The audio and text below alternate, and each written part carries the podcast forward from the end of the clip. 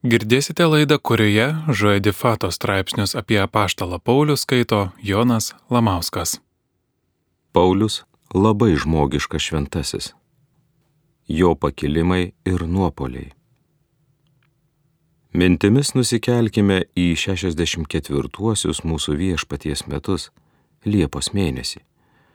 Apaštalas Paulius Romos kalėjime supančiotas laukė teismo dėl imperatoriaus Nerono kaltinimų, kad neva jis su kitais krikščionimis sukėlė miestą nusiaubusi gaisrą. Tokiomis aplinkybėmis Paulius rašo antrąjį laišką Timotiejui. Paulius žino, kad jo gyvenimo pabaiga arti, tad šis laiškas išsiskiria iš visų kitų jo laiškų. Jame nėra kokių nors naujų teologinių įžvalgų, neskelbiamas naujas mokymas nerasime nei visai bažnyčiai skirtų naujų išminties grinuolių, tik nuoširdų atsisveikinimą ir keletą paskutinių patarimų vienam iš ištikimiausių Pauliaus mokinių. Timotiejus kai kuriuos Pauliaus patarimus tikriausiai girdėjo daugybę kartų. Primenu reikalą atgaivinti Dievo malonės dovaną. Antras laiškas Timotiejui, pirmas skyrius, šešta eilutė. Nesigėdik mūsų viešpaties liudijimo. Antras laiškas Timotiejai, pirmas skyrius, aštunta eilutė. Kesk vargus kartu su manimi kaip geras Kristaus Jėzaus karys. Antras laiškas Timotiejui, antras skyrius, trečia eilutė. Laikykis to, ką esi išmokęs ir tvirtai įtikėjęs. Antras laiškas Timotiejui, trečias skyrius, keturiolikta eilutė.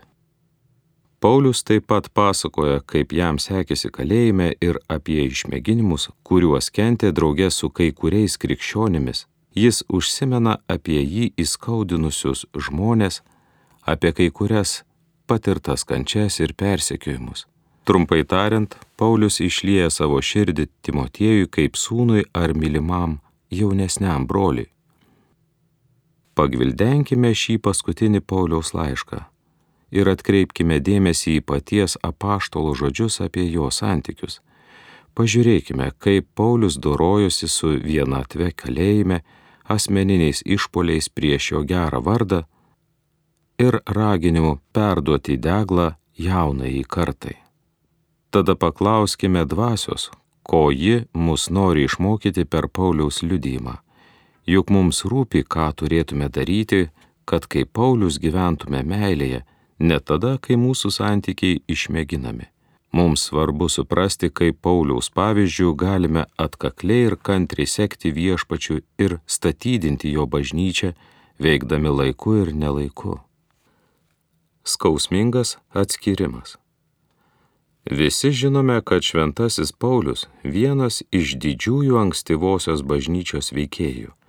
Jo atsivertimas ir įtikėjimas Kristumi buvo labai įspūdingas. Atsivertęs jis daug keliavo visur skelbdamas Evangeliją. Paulius laikomas beveik ketvirčio naujojo testamento raštų autoriumi. Tačiau nepaisant daugybės didingų ir pasiaukojamų darbų, nepaisant šventumo, Paulius vis tiek buvo tiesiog žmogus, toks kaip mes. Jis turėjo netobulumų, silpnybių, netgi nuodėmių, kaip ir mes. Jo netobulumai labiausiai išriškėdavo beje kaip ir daugumos mūsų bendraujant su žmonėmis. Pažiūrėkime, ką atskleidžia antrajame laiške Timotiejui minimi du vardai - Demo ir Aleksandro. Demas buvo Pauliaus, Luko ir Morkaus bendradarbis viešpatyje. Tačiau Demą kažkuria prasme paviliojo šis pasaulis ir jis metė misionieriaus gyvenimą.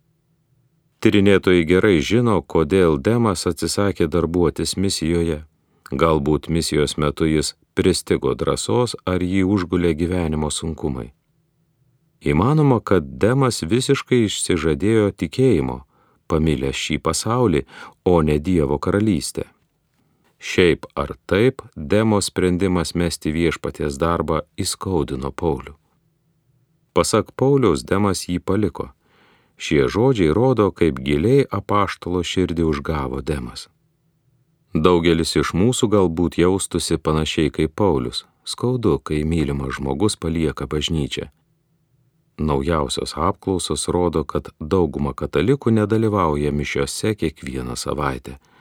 Žinoma, žmogus gali nustoti praktikuoti tikėjimą dėl daugybės priežasčių.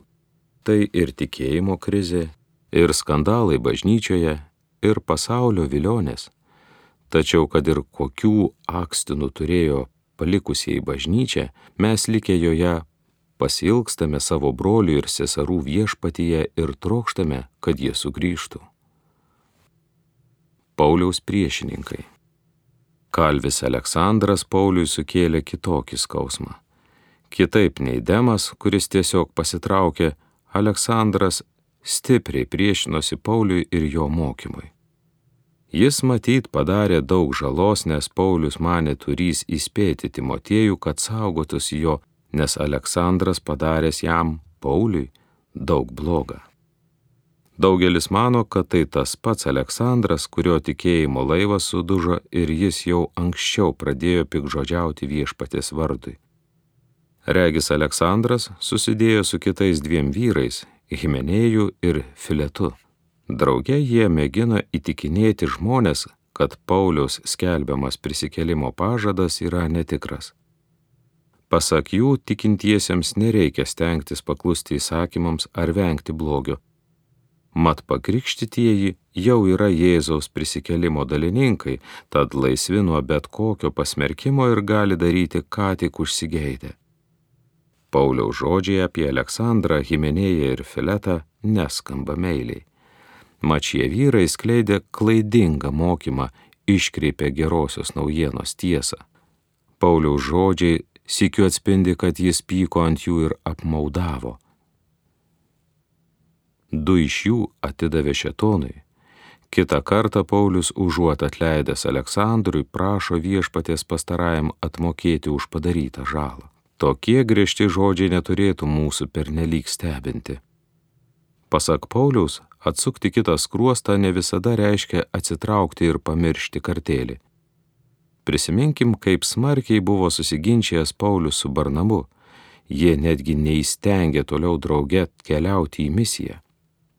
Nors Paulius reagavo aštriai ir ugningai, jis veikiausiai troško, kad tie broliai sugrįžtų pas viešpatį. Teorija ir praktika. Ne vienoje šventojo rašto eilutėje kalbame apie pažeistus ir sužalotus santykius. Patarlių knygoje liepiama atlyginti gerų už blogą. Jėzus mums įsakė prieš aukojant Dievui pirmiausia susitaikyti su broliu. Ir Paulius sakė melstį malonės gyventi santarvėje vieniems su kitais. Deja, tai dažniau yra teorija, o ne praktika. Tie žodžiai perteikė siektiną idealą, bet mes anaip tol ne visada jo siekiame. Kai esame ramus, pritarėme šiems meilės įsakymams ir mums nebūna sunku jų laikytis. Tačiau, kai mus įskaudina mums svarbus žmogus, gali kilti pagunda pasiduoti rūstybei ar vis gromuluoti praeities skriaudas.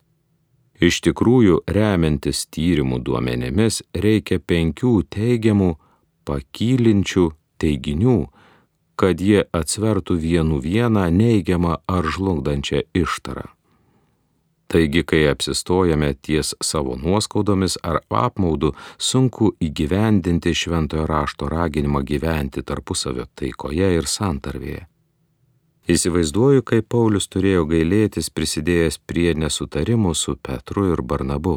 Beveik neabejoju, kad jis mylėjo Demą. Tikiu, kad jis norėjo pataisyti netgi santykius su Aleksandru, Giminėju ir Filetu, nepaisydamas to, ką šie mane. Viešpats arti tų, kurie sielojasi. Visiems mums tenka patirti skausmo, pykčio ir apmaudo, kuriuos sukelia pažeisti santykiai, o ką jau sakyti apie menkesnės žaizdas, peršinčias ko ne kasdien bet ir kur kas gilesnių, skausmingesnių žaizdų tikrai netrūksta. Neteisingai atleido iš darbo, patyrėme skaudžias skirybas, atstumė senas draugas, nuvertino brangus bičiulis, kaimynas taiga užsipuolė. Šie skauduliai gali smarkiai paveikti ir kitus mūsų santykius. dėl šių atsivėrusių sopulių tampame mažiau pasitikintis, įtaresni, uždaresni, nenorime atverti savo širdies žmonėms. Apaštalas Paulius rašė, nugalėk piktą gerumu. Nuostabų žodžiai. Bet kai Demas, Aleksandras ir kiti Paulių išdavė, jam buvo skaudu. Žmogus, korintiečiams liepęs nukesti neteisybę ir pakesti nuostolį, pats vargiai tai galėjo ištverti. Panašiai ir mums gali būti sunku susitaikyti ar nugalėti blogį gerumu, ypač jei mus įskaudino artimas žmogus. Jėzus žinojo, kad Pauliui sunku atsisakyti kai kurių nuoskaudų - piktumo, apmaudo, įsižeidimų. Jėzus žino, kad ir mums kartais būna labai sunku atleisti, kai esame įskaudinti. Jis supranta, kad galbūt nepajėgėme iš karto leisti užsitraukti savo žaizdoms. Todėl lieka šalia mūsų, Jis tikina mus, kad vis tiek mus myli ir primena, kad yra arti tų, kurie sielojasi. Jėzus pažada padėti mums atrasti, kaip įveikti savo skausmą. Tad jeigu jautiesi artimųjų ar draugų įžeistas ar netgi atmestas, atmink, kad Jėzus tavęs neatstumė. Jis nori, kad kentėtum įžeistas ar įsižeidęs. Jis yra labai arti tavęs, kai sielojasi, ar esi apimtas nevilties. Jėzus niekada tavęs neapleis, visada žvelg į jį, kad ir kas atsitiktų. Žmonės kenčia nuo visokiausio vienišumo. Prisimenu, koks vienišas jaučiausi ką tik pradėjęs studijas. Vėliau gyvenime jausdavausi vienišas išvykęs į ilgas verslo keliones. Labai pasilgdavau savo žmonos Felicijos ir mūsų vaikų. Žinau, kad mano vienišumas ir atskirtumas dažniausiai kildavo dėl nesutarimų ar iš kitų žmonių patirto atstumimo. Ką jau ten mes, jei net apaštalas Paulius jautėsi vienišas, ypač į gyvenimo pabaigą. Paskaityk jo antrojo laiško Timotiejui, veikiausiai paskutinio jo parašytojo laiško eilutes ir pamatysi, koks nuo visų atskirtas ir vienišas jis jautėsi sėdėdamas kalėjime. Vienatvės dilgčiojimas Kodėl Paulius jautėsi toks vienišas? Jau minėjome pirmajame straipsnelyje, kad vienas iš jo mokinių, Demas, metė misijų darbą ir paliko Paulių. Išsiuntęs į misiją Titą, Kreską ir Tichiką, Paulius pasijuto dar vienišesnis. Negana to, kalvis Aleksandras visą kaip stengiasi nuteikti žmonės prieš Paulių.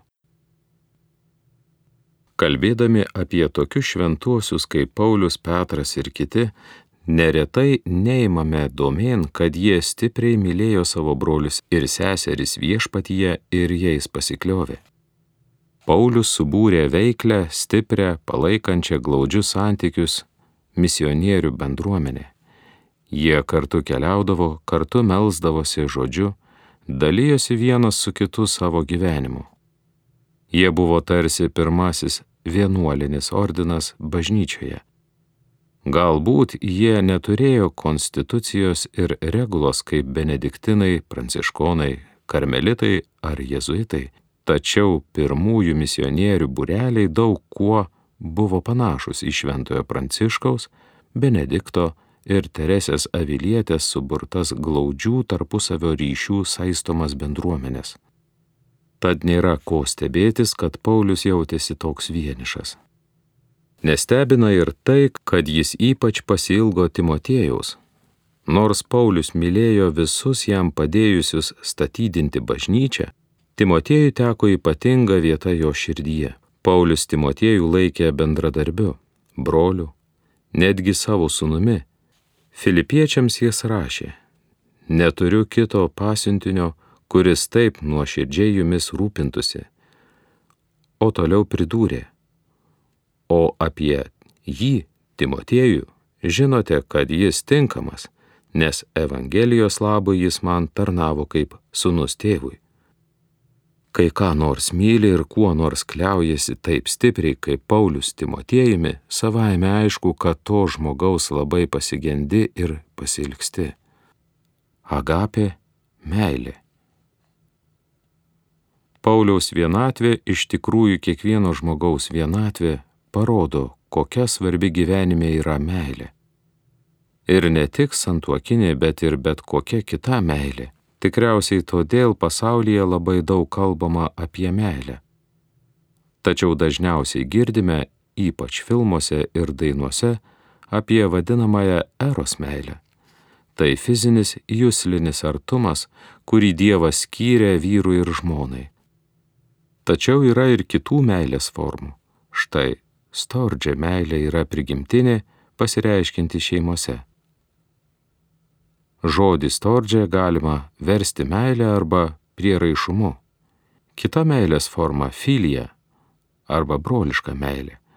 Kas ji yra, geriausiai nusako draugų meilė. Ji pasireiškia stipriu prieraišumu, ištikimybė, bet jie naip tol nėra romantiškas ar seksualinis jausmas. Pačia bendriausia forma filija meilė apima meilę visiems, nesvarbu ar tai būtų vargšai, ar bendradarbiai, ar parapiečiai, ar kaimynai.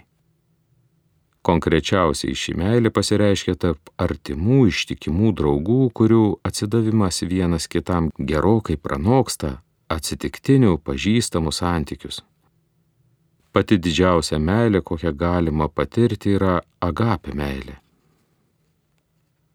Tai nesavanaudiška, save atiduodanti, aukojanti, apiplėšianti ir besąlygiška meilė. Meilė, kurią Dievas mus myli. Tam tikra prasme agapė yra ne tik dar viena meilės rušis, ji priklauso ne tik vienokiams santykiams. Dievas nori, kad šią meilę mylėtume visus sutoktinį, tėvus, vaikus, draugus ir net pažįstamus žmonės. Ši meilė yra tobulumo raištis visų mūsų santykių skiriamasis ženklas. Agapė meilė yra Dievo malonės gale galinti bet kurią mūsų meilę perkeisti taip, kad jie atspindėtų paties Dievo meilę. Agapė yra ne tik nuostabi kaip ir kitos meilės rūšys, ji jas ir pranoksta, ji už jas didingesnė. Tai meilė, kurią Jėzus parodė kiekvienam gydomam ar laisvinamam žmogui, tai meilė spinduliavusi iš jo mokymo, tai Jėzaus meilė jo priešams, visam pasauliu ši meilė buvo apreikšta ant kryžiaus. Tokia meilė yra laisva nuo bet kokio savanaudiškumo ir skatina mus noriai atiduoti savo gyvybę vieniems už kitus, netgi už savo priešus ir svetimuosius. Iš Pauliaus raštų matyti, kad ne visada lengva išlaikyti šitokią meilę pirmajame straipsnelėje rašėme, kad ryšį su Barnabu aptemdė nesutarimai dėl Jono Morkaus. Taip pat žinome, kad Antijochijoje Paulius viešai pasipriešino Petrui. Tačiau nors Paulius turėjo ir stiprybių, ir silpnybių, jis visgi puikiai suprato, kad tikrasis mūsų tikėjimo matas turi būti tarpusavio meilė. Būtent Paulius sakė, jog net jei turėtume tokį tikėjimą, kad galėtume kalnus kilnoti, bet neturėtume meilės, būtume niekas. Paulius taip pat persakė Jėzaus mokymą žodžiais, kas myli tas įvykdo įstatymą. Painus santykiai. Pauliaus žodžiai apie meilės svarbą tai ne tik geri dvasiniai patarimai Gydytojai, psichiatrai ir sociologai teigia, kad mums žmonėms gyvybiškai svarbu palaikyti pastovius meilės kupinus santykius. 1938 metais Harvardo universiteto mokslininkai pradėjo žmogaus raidos tyrimą. Stebėjo 268 dalyvius, koledžo studentus. Tyrimas tęsiasi dešimtmečius, Mokslininkai norėjo nustatyti veiksnius, lemiančius ilgalaikę laimę, taip pat gebėjimą susidoroti su gyvenimo pakilimais ir nuosmukiais. 2015 metais tyrimo išvados paskelbtos knygoje Triumph of Experience - patirties triumfas. Tyrėjai nustatė, kad laimė ir branda priklauso nuo pastovių sveikų santykių, o ne nuo asmens socialinės padėties ar turto. Tiesą sakant, sveiki santykiai yra lygiai svarbus mūsų geroviai kaip ir mytyba ar fiziniai pratimai. Štai kodėl vienatvė mus taip neigiamai paveikia. Pasak Roberto Vildingerio, Apibendrinus šią studiją, geriausiai sekėsi žmonėms, kurie rėmėsi santykiais su šeima, draugais, bendruomenė. Santykiai būna painus ir sudėtingi, o rūpinti šeima ir draugais yra veikiau sudėtingas neįspūdingas darbas, trunkantis visą gyvenimą ir niekada nesibaigiantis. Tačiau turime įrodymų, kad būtent taip randame tikrąją laimę, sakė jis. Pauliaus santykiai su Petru, su Jokūbu, Jeruzalės bažnyčios vadovu, su Jonu Morkumi buvo sunkoki ir gana painus jam ne visada pavykdavo mylėti malone švelnę meilę, kokios Jėzus prašė iš mūsų. Palaikė jis ir daugybę sveikų gražių santykių, padėjusių pakelti sunkumus, tiesiog išlikti. Tikėtina, kad Paulius prastus santykius bandė vėliau pataisyti. Esu įsitikinęs, kad jis tengiasi susitaikyti su žmonėmis, paprašyti jų atleidimo, kad savo griežtumu ar karštumu įžiebė nesutarimus ar prie jų prisidėjo. Kiekvieno iš mūsų ne visi santykiai idealūs. Galbūt mūsų santykiai su draugais ar šeimos nariais yra raizgus, nelabai tvarkingi. Jei Paulius būtų čia, su mumis jis ragintų daryti viską, ką galime, kad juos pataisytume. Jis sakytų, tegul nelieka vietos vaidams ar tuščiai puikybei, bet vienas kitą laikykite aukštesniu už save ragintų mus, meilė te būna be veidmainystės, bodėkitės pikto, laikykitės gero, nuoširdžiai mylėkite vieni kitus brolišką meilę, lenktyniaukite tarpusavio pagarbą. Primintų, taigi dabar pasilieka tikėjimas, viltis ir meilė, šis trejetas, bet didžiausia jame yra meilė. Skirti laiko mylėti. Taigi skirkime laiko šeimai ir draugams. Prašykime dvasios, kad ji padėtų mums pasiekti žmonės, kurie jaučiasi vieniši ar nusiminę. Neleiskime, kad užimtumas, praeities nuoskaudos, pavydas ar dar kas nors atribotų mus nuo žmonių, kuriuos Dievas skyrė mums mylėti. Dievas sukūrė mus gyventi meilėje, Jis nori, kad palaikytume prasmingus santykius, ypač pasaulyje, kuriame vis labiau didėja atskirtis. Jis nori, kad neįkliūtume į vienišumo ir neišsipildymo pastus. Kai meilę vertiname labiau nei pinigus, patogumą, statusą ar karjerą, Dievas laimina mus ir visus, su kuriais kasdien bendraujame. Tarnaudamas Dievui Paulius patyrė daug pakilimų ir nuosmukių. Kurti bažnyčią svetimoje šalyje buvo nelengva, tačiau Paulius buvo nenuilstantis. Jis niekada nesiskundė, kad jam per sunku, niekada neleido nei priešininkams, nei nesėkmėms, nei nepritekliams, nei nepalankioms aplinkybėms sutrukdyti jo misiją.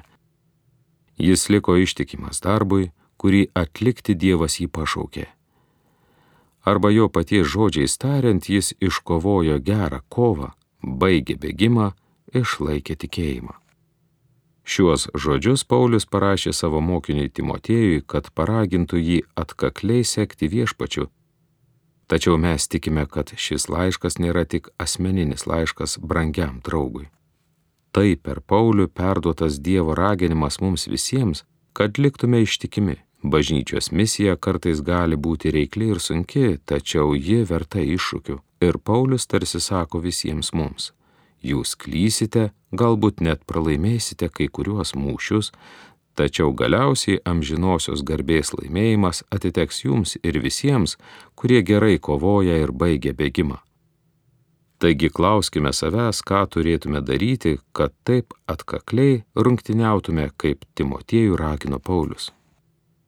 Pradėk dabar. Apaštalas Paulius buvo labai gabus žmogus, tačiau draugė ir griežtas, Dievo dosniai apdovanotas, stipriavalis, smarkus ir aistringai įsitraukęs į misionierišką veiklą. Kalbėdamasis su Pauliumi nebejotinai išgirstum nuodugniai išdėstytą jo požiūrį į bet kokį dalyką. Taip pat nekyla jokių dviejonių, kad Paulius iš visų jėgų stengtųsi tave įtikinti, jog jo pozicija yra teisinga. Šios Pauliaus savybės kelia susižavėjimą, bet atrodo, kad jis kartais eina per toli. Jo tarnystėje būta situacijų, kai tam tikras susiskaldimas radosi dėl jo paties kalties. Ankstesniuose straipsneliuose atkreipiame dėmesį, kad Paulius labai atvirai sakėsi esantis nusivylęs palikusiais tarnystę žmonėmis. Taip pat skaitėme apie Pauliaus norą, kad Dievas nubaustų jo priešininkus. Paulius verčiau viešai ginčijosi su Petru, nors galėjo įsiaiškinti kalbėdamasis akis į akį.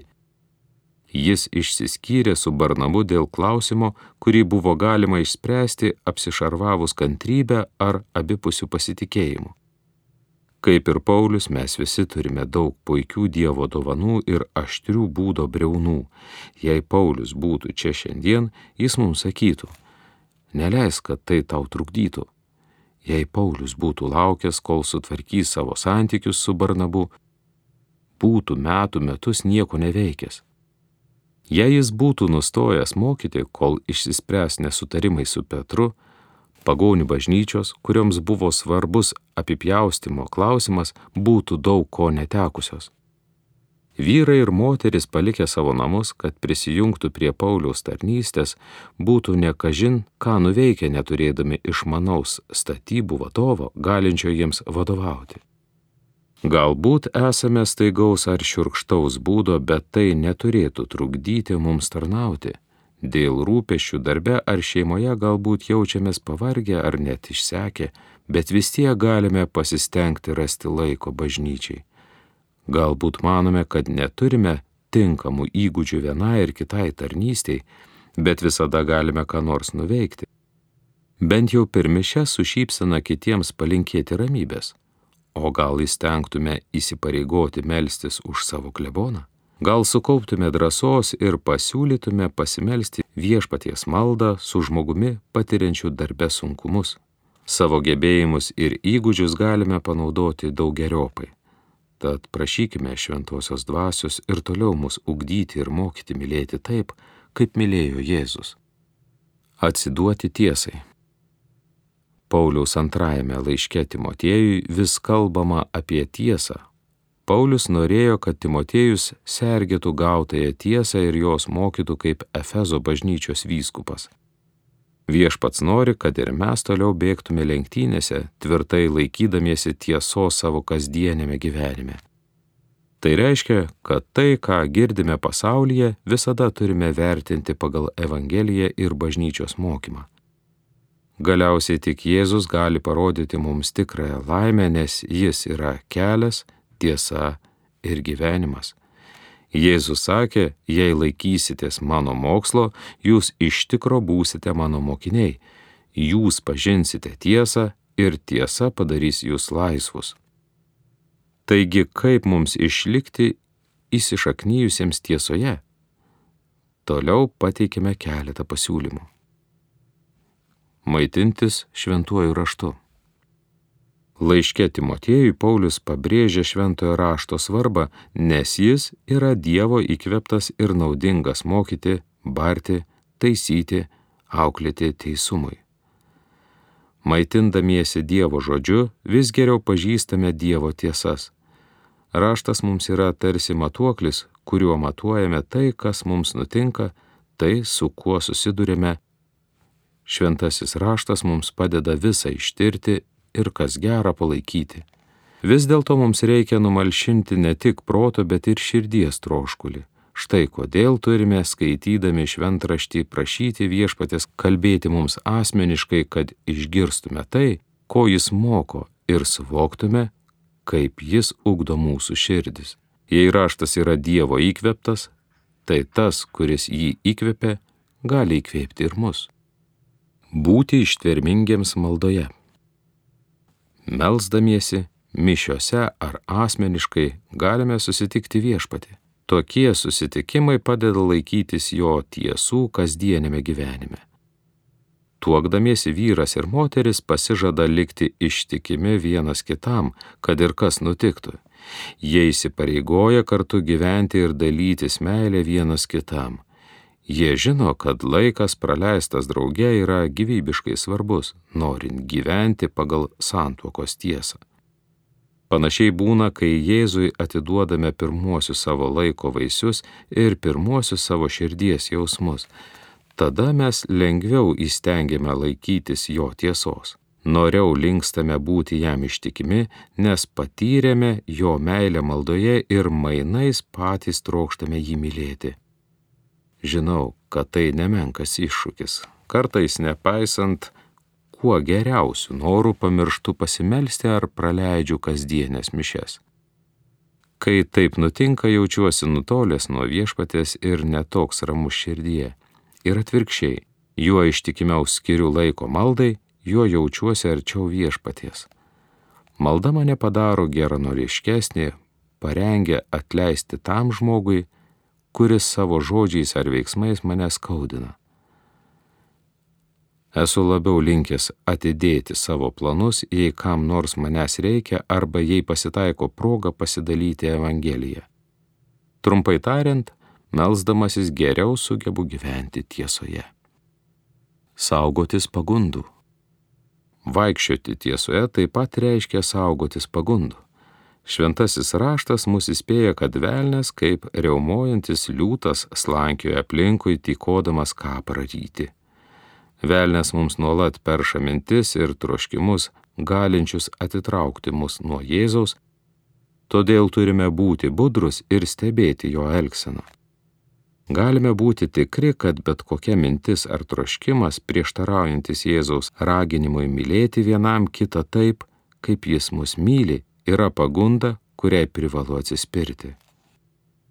Pagunda pavojinga, nes aptemdo mūsų širdį ir protą jie nebegeba suvokti Dievo tiesų. Kartais pagunda klaidingas pasaulio tiesas mums parodo taip, kad iš akių atleidžiame tai, kas yra iš viešpaties ir kas yra tikra ir gera. Štai kodėl Paulius mums prisakė saugoti savo tikėjimo tiesas, sergėk brangų į turtą, padedamas šventosios dvasios, kuri gyvena mumise. Atgaivinti Dievo malonės dovaną. Paulius Timotiejui patarė atgaivinti Dievo malonės dovaną. Suteikta Pauliaus rankų uždėjimu. Šis Paulius patarimas svarbus ir mums. Šventoji dvasia, pripildžiusi Paulių ir įkvėpusi Timotiejų, dvelkia mūsų širdyse. Ji nekantriai laukia, kad paprašysime jos pagalbos. Dvasia nori mums padėti toliau bėgti lenktynėse Ji trokšta pagelbėti mums naudoti Dievo duotasias dovanas ir talentus dėl Jėzaus ir jo bažnyčios. Taigi niekada nenuvertinkime dvasios troškimo padėti mums mylėti vieniems kitus ar pakilėti mus, kai į ją kreipiamės. Niekada nepamirškime, kad mūsų gautoji dvasia yra galybės, meilės ir protingumo dvasia. Girdėjote laidą, kurioje Žoe Difato straipsnius apie apaštalą Paulių skaitė Jonas Lamauskas.